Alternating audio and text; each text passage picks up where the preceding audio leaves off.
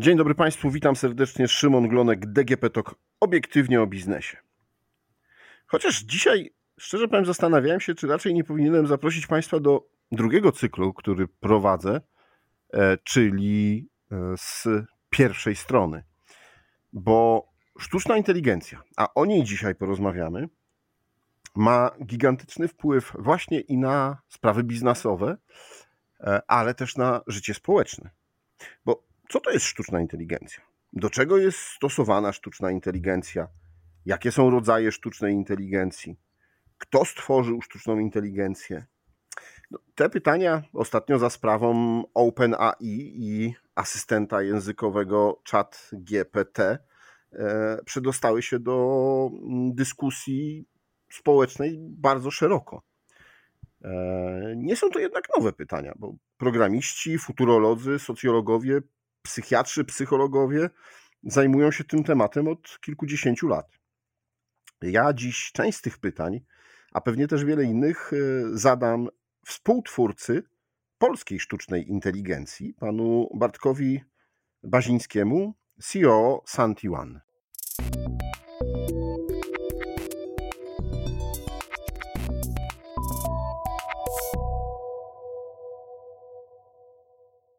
Dzień dobry. Dzień dobry, Bartosz Baziński, Sentiwan. E, czy można powiedzieć polska sztuczna inteligencja? Zacznijmy od tego. Myślę, że można tak powiedzieć. My już od 12 lat, prawie 12 lat, pracujemy nad e, technikami przetwarzania języka naturalnego używającymi sztucznej inteligencji, właśnie z, no, z takim długotrwałym celem zbudowania polskiej sztucznej inteligencji, oczywiście rozumiejącej nie tylko po polsku, ale również w innych językach. E, czyli można by do tych pytań, które na początku tak wymieniałem, a które pojawiają się w dyskursie publicznym, dodać pytanie, czy sztuczna inteligencja ma narodowość? Zdecydowanie, jako że sztuczna inteligencja jest uczona na danych, niezależnie od tego, na jakich danych ją nauczymy, jakich danych, damy, jakich danych damy do niej więcej, no może mieć ona inne tak zwane bajasy, prawda? Czyli te takie mm, do skrzywienia w postrzeganiu, rozumieniu i myślę, że inteligencja nauczona danymi z Polski miałaby trochę naszych cech narodowych, podejrzewam, w porównaniu do innych, e, nauczonej innymi językami. Mhm. A ale troszkę wróćmy do, do początku i do, do tej mm, części biznesowej. E, panowie, pan współtworząc firmę zaczynał od monitorowania internetu, e, od doradzania w obrębie marketingu. E, później przeszło to trochę do chatbotów. Tak? Dobrze. Odrobiłem swoją lekcję i przeszukałem internet.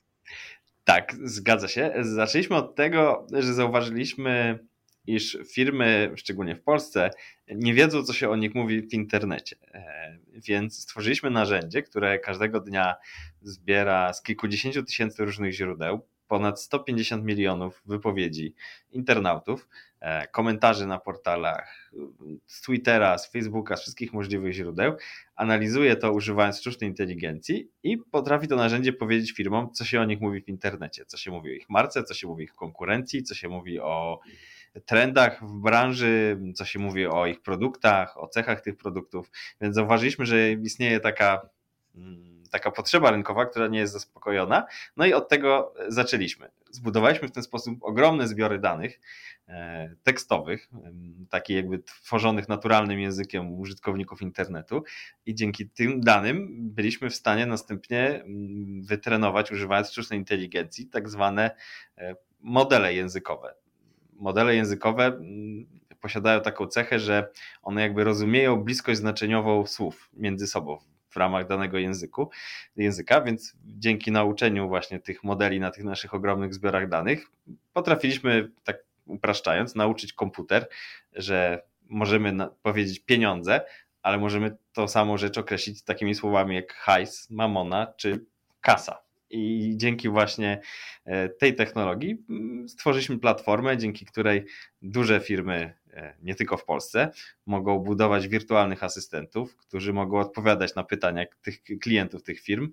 E, I tak powstał właśnie nasz produkt chatbotowo-voicebotowy. E, czyli ta sztuczna inteligencja była od samego początku motorem waszego biznesu. Tak, my właśnie zawsze, jeszcze kiedy ja studiowałem na Politechnice Gdańskiej jakby widziałem, co te rozwiązania już potrafią, nie mogłem zrozumieć, dlaczego one jakby nie pojawiają się w biznesie, nie budujemy na ich podstawie produktów, więc właśnie sztuczna inteligencja od początku była podstawą tworzenia naszego biznesu i my jakby mocno w rozwoju tej sztucznej inteligencji posiłkowaliśmy się środkami od inwestorów, a także z grantów badawczych Narodowego Centrum Badań i Rozwoju, więc zainwestowaliśmy w rozwój naszej technologii do tej pory ponad 42 miliony złotych i w najbliższych latach zainwestujemy co najmniej drugie tyle w dalszy jej rozwój. Mhm. To proszę powiedzieć, e, no, wy zaczynaliście ponad 10 lat temu. Pierwsze wygrane w szachy przez e, sztuczną inteligencję miały miejsce ponad 20 lat temu z człowiekiem. Czemu dopiero w 2000, końcówka 2022 roku, no i teraz w 2023 początek, wybuchł taki szał i tak mocno sztuczna inteligencja zaczęła absorbować wszystkich. Myślę, że jak już mieliśmy te algorytmy, które potrafiły wygrać w szachy, to mniej więcej w tamtym okresie, na początku lat 2000, mm, używaliśmy sztucznej inteligencji też do na przykład takich celów jak rozpoznawanie w w na zdjęciu e, numerów tablit rejestracyjnych samochodu. Czyli ja na studiach uczyłem taki algorytm, który potrafił rozpoznać ze zdjęcia, jaki dany samochód ma, prawda, cyfry i znaki, cyfry i litery w tej tablicy rejestracyjnej. I, i taki model, który rozpoznawał te, te tablice rejestracyjne, miał wtedy przy ówczesnej mocy obliczeniowej komputerów miał takich, nazwijmy to, parametrów w tym modelu kilkaset. Czyli miał jakby kilkaset takich neuronów, które się łączyły ze sobą, przekazywały sobie informacje i efekt tego był taki, że potrafiły rozpoznać numer tej tablicy. Modele, które Y, obecnie y, używamy, czyli między innymi chat GPT czy, czy model OPT od, od Facebooka, mają tych parametrów 175 miliardów. Więc jest to znacząco różna, e, prawda, znacząco większa liczba i dopiero kiedy doszliśmy do tego, że tych parametrów w takim modelu mamy setki miliardów, po angielsku bilionów, no to te modele potrafią zacząć z nami rozmawiać potrafią wykonywać dla nas zadania i robić mnóstwo innych rzeczy. Więc mm, w mojej ocenie wynika to właśnie z tego, że ten postęp technologiczny w zakresie komputerów umożliwił nam trenowanie znacznie większych modeli, które mają w końcu znacznie większą użyteczność. E, no i co jest ciekawe, to jest to, że jakby naukowcy już wiedzą od dwóch, trzech lat, że takie duże modele potrafią takie jakby cuda robić, ale dopiero OpenAI ze swoim chat GPT no, otworzył oczy niedowiarko, tak to nazwijmy. E, no tak, rozpoczęła się przy tej okazji e, taka ogólnoświatowa dyskusja na temat e, tego, czy sztuczna inteligencja zmieni chociażby edukację, model, jaki znamy od, od wielu lat. Czy dziennikarze przestaną być potrzebni, no bo sztuczna inteligencja będzie pisała artykuły, czy książki będzie pisała, więc też autorzy y, może nie będą już potrzebni, bo będzie sobie można zadać e, temat. Chciałbym przeczytać o, nie wiem, wakacjach na egzotycznej wyspie, popełnionym morderstwie e, i tym, że rozwiązuje sytuację, czy rozwiązuje zagadkę, nie wiem, przypadkowy turysta książka i, i taka książka zostanie napisana. E, czy trzeba się bać, że sztuczna inteligencja właśnie tak mocno pozmienia nasz świat? Myślę, że w niektórych dziedzinach naszego życia zmiany będą kolosalne. Wszyscy, prawda, się ostatnio śmieją, że, że czat, że te że boty czy sztuczna inteligencja potrafi teraz pisać e, prace domowe za uczniów, prawda? Ale jakby mało kto zauważył, że, że pozwoli, pozwala też pisać te testy na przykład dla nauczycieli, że nauczyciel już teraz nie musi sam pisać testu na temat krzyżaków, tylko może polecić takiemu modelowi napisz 10 e, pytań e, zamkniętych na temat właśnie tam krzyżaków i dostanie gotowy test. Więc myślę, że tutaj w zakresie nauk sektora edukacyjnego to tutaj jakby i nauczyciele i uczniowie nagle dostali bardzo potężne e, narzędzie.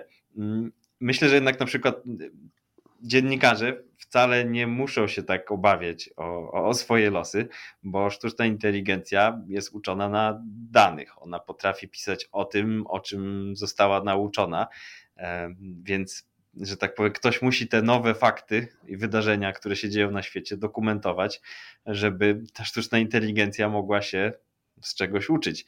Więc tutaj byłbym spokojny o los dziennikarzy, naukowców czy sektora kreatywnego, e, tego, który tworzy nowe rzeczy, tworzy nową wiedzę, na podstawie której my sztuczną inteligencję e, będziemy w stanie uczyć. Mhm. A sztuczna inteligencja, którą Państwo rozwijają e, w Sentiwan, jest oparta nie tylko o tą wiedzę, która już jest zgromadzona, ale też o rozmowy, które odbywają się na, w różnych call center. E, tak, to co wyróżnia tworzone przez nas silniki czy modele językowe, wyróżnia to to, że my mocno modelując ten język, opieramy się o między innymi historyczne zapisy e, rozmów klientów z agentami obsługi. E, wynika to z tego, że nasze rozwiązania budujemy przede wszystkim dla biznesu, żeby pomóc firmom e, szybciej i łatwiej odpowiadać na pytania płynące od ich klientów. Więc mm, właśnie taki silnik nauczony na danych z rozmów z call center dla jednego z polskich banków potrafi ze skutecznością rzędu 94% e, poprawnie rozpoznawać, z jaką sprawą dzwoni klient i przekierowywać tą sprawę do, do odpowiedniego agenta, który potrafi w tym temacie pomóc. Mhm. E, czy szykujecie taki otwarty czat, taką, taką otwartą platformę, aplikację, z której będzie mógł e, korzystać każdy internauta, tak jak zrobiło to właśnie OpenAI? No nie ukrywam, że udostępnienie przez OpenAI tego otwartego modelu pozwoliło im na cały świat pokazać, jak dobrze te rozwiązania działają, więc e, rozpoczęliśmy już pracę nad tym, żeby przygotować taki model, który będziemy mogli udostępnić e, publicznie i wszystkim pokazać e, i pozwolić im zobaczyć, jak dużą mm, już wartość potrafią takie rozwiązania mm, dostarczyć. Mhm. E, a proszę powiedzieć, e, jak to jest oceniane? No bo wasza sztuczna inteligencja już e, działa w wielu firmach. Przez wiele lat voiceboty no, były udręką i były strasznie oceniane przez klientów. Wręcz wielu nie chciało, rozłączało rozmowy. E, czy przy tak zaawansowanych, e, zaawansowanym wykorzystaniu sztucznej inteligencji jesteśmy w stanie rozpoznać, że rozmawiamy ze sztuczną inteligencją, niekoniecznie z człowiekiem? Myślę, że jeżeli mówimy o rozmowach przez telefon, to już za chwilę te rozwiązania, które my obecnie chociażby tworzymy z naszymi klientami, będą tak rozbudowane, że rzeczywiście to już będzie jakby potencjalnie problematyczne dla klientów, żeby rozpoznać, że rozmawiają ze sztuczną inteligencją. Na tą chwilę jednak wszyscy nasi klienci, głównie są to banki, firmy telekomunikacyjne, ubezpieczyciele, mm, zawsze tej sztucznej inteligencji każą, że tak powiem, powiedzieć, że jest sztuczną inteligencją, e, a to powoduje, że ci klienci inaczej z tą sztuczną inteligencją zaczynają mm, rozmawiać. Ma to swoje i pozytywne, i negatywne Mm, cechy, bo z jednej strony stają się bardziej wyrozumiali, czy próbują wyrazić swoje problemy w bardziej zrozumiały sposób, czy chociażby robiąc większe przerwy między wyrazami, e, ale z drugiej strony czasami, co widzimy u naszych klientów, wręcz zanadto skracają tą komunikację, bo jak e, klient dzwoni do banku i słyszy, że tu jest wirtualny asystent, powiedz proszę, z czym mogę ci pomóc i odpowiada tylko słówko kredyt, no to, że tak powiem, żadna sztuczna inteligencja się nie domyśli, czy to chodzi o to, żeby ten kredyt wziąć, czy żeby rozwiązać z nim jakiś problem, czy właściwie z jaką sprawą dzwoni ten nasz drogi klient. Mhm. E, wprowadziliście e, możliwość sztucznej inteligencji rozpoznawania języka arabskiego.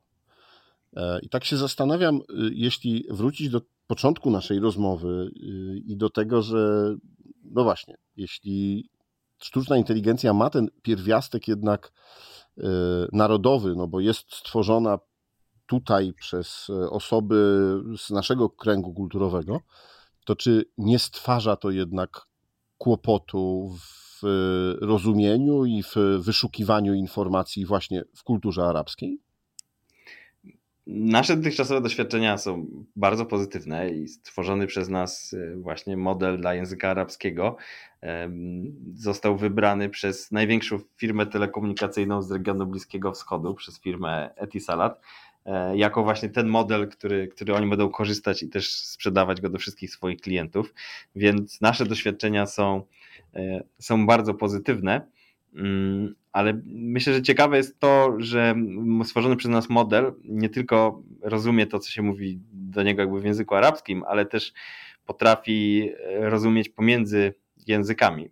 I myślę, że to jest bardzo ciekawy aspekt właśnie tych modeli, że modele te są uczone na tak zwanych korpusach paralelnych, czyli na e, pewnych tekstach, które zostały przetłumaczone na bardzo wiele języków. Na przykład mm, teksty prawne mm, Unii Europejskiej są tłumaczone na wszystkie języki Unii Europejskiej, prawda? I w ten sposób możemy nauczyć sztuczną inteligencję w taki sposób, że możemy do niej mówić właściwie w dowolnym języku, a ona potrafi e, rozumieć mm, właśnie co się do niej mówi, niezależnie od tego, w którym z tych języków modelu e, do niej mówimy.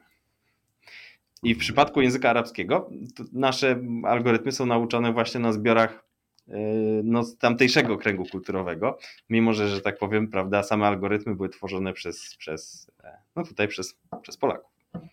Mhm. A proszę powiedzieć, jakie najbliższe wdrożenia językowe Albo czy są jakieś takie języki, które sprawiają e, największą trudność i na razie, nie wiem, nie chcecie się pochylać nad nimi? Myślę, że na chwilę obecną jesteśmy, nasze doświadczenia pozytywne mieliśmy z bardzo wieloma językami. Pracowaliśmy już dla klientów z, ze Słowacji czy z Węgier i nasze algorytmy bardzo dobrze sobie radziły również z tymi trudnymi językami, chociażby właśnie węgierski, który prawda jest językiem ugrofińskim, a, a, a, nie, a nie jakby wywodzącym się e, z łaciny. Więc myślę, że na tą chwilę technologia jest już tak zaawansowana, że pozwala zrozumieć nawet te właśnie trudne języki, takie jak język arabski, który my nazywamy językiem, ale tak naprawdę jest to wiele bardzo odmiennych od siebie e, dialektów. No ale mając dedykowanych lingwistów właśnie z Arabii Saudyjskiej czy Omanu, jesteśmy bardzo dobrze byliśmy w stanie sobie z tym poradzić. Więc, więc jestem przekonany, że możliwości sztucznej inteligencji w najbliższych latach jeszcze nie raz nas wszystkich e, e, zadziwią. E, my w Sentiwan jakby widzimy to pierwsi, ale cieszę się, że teraz ta szeroka publiczność była w stanie zobaczyć, jak duże są możliwości tego typu modeli to proszę nam powiedzieć, na czym polega praca e, lingwisty, albo na czym polega uczenie sztucznej inteligencji? No bo poza tym, że rozumiem, że dajemy dokumenty w różnych językach, e, poza tym, że korzystacie z tych nagranych rozmów, no to powiedział Pan, że jeszcze korzystacie właśnie chociażby z e, lingwistów. Tak, lingwiści są niezbędni, żeby przygotować tak zwane złote dane uczące, które pozwalają sztucznej inteligencji, która ma już wytrenowany taki generalny model językowy, rozwiązywać konkretne zadania już po, na danych tekstowych. Na przykład nasi lingwiści oznaczali 10 y, tysięcy y, wypowiedzi internautów, w których ci internauci wskazywali, że na przykład, no, że na przykład ten proszek ma fajne opakowanie, ale brzydko pachnie i w sumie to słabo pierze. I oni oznaczali te słowa, że na przykład fajne opakowanie, oznaczali, że to jest pozytywna, y, pozytywne nacechowanie, bo fajne, oraz oznaczali, jaka to jest cecha produktu, czyli mm, w tym wypadku opakowanie. I tak oznaczali y, właśnie 10 tysięcy wypowiedzi internautów, i na bazie tego taki generalny języ model językowy był w stanie się douczyć i już jest w stanie automatycznie oznaczać E, wszystkie przyszłe wypowiedzi internautów i pokazywać e, firmom w zautomatyzowany sposób, w jaki, no jakie cechy e, produktów tych firm są w jaki sposób oceniane. Więc lingwiści właśnie czytają te teksty, oznaczają je, żeby dać sztucznej inteligencji wsad do, do działania. No, my w tej chwili pracujemy na językach angielskim, niemieckim, hiszpańskim, no i ci lingwiści, naukowcy są tutaj podstawą do, mm, do tworzenia tych algorytmów. I myślę, że ciekawe jest to, że jeszcze jakiś czas temu takich miejsc pracy w ogóle nie było, prawda? To można zobaczyć, jak to nie jest tak, że ta sztuczna inteligencja wszystkich nas zastąpi, no bo przecież musimy ją też nauczyć najpierw. I u nas już pracuje no, kilkudziesięciu lingwistów i mm, jakby zatrudniamy tych osób e, coraz więcej i budujemy tych modeli coraz więcej. No tak, ale w momencie, kiedy już y, nauczą języka polskiego, angielskiego, niemieckiego, no to sztuczna inteligencja zaczyna sama się uczyć na, na podstawie tych no, pierwszych, nie wiem czy podstawowych, no ale jakichś tam informacji, które zdobędzie od lingwistów. E, tak, no chociaż ktoś musi, prawda, wpędzić tą maszynę w ruch. Więc y, myślę, że jeszcze czeka nas tutaj wiele lat no, nakręcania tej maszyny, zanim dojdziemy do momentu, w którym Mm, powinniśmy się naprawdę zacząć bać. E, a nawet jak już mamy działającą maszynę, no to ciągle jeszcze możemy poprawiać skuteczność tych rozwiązań. Mm, I myślę, że tutaj mm, jeszcze wiele przed nami. Mhm.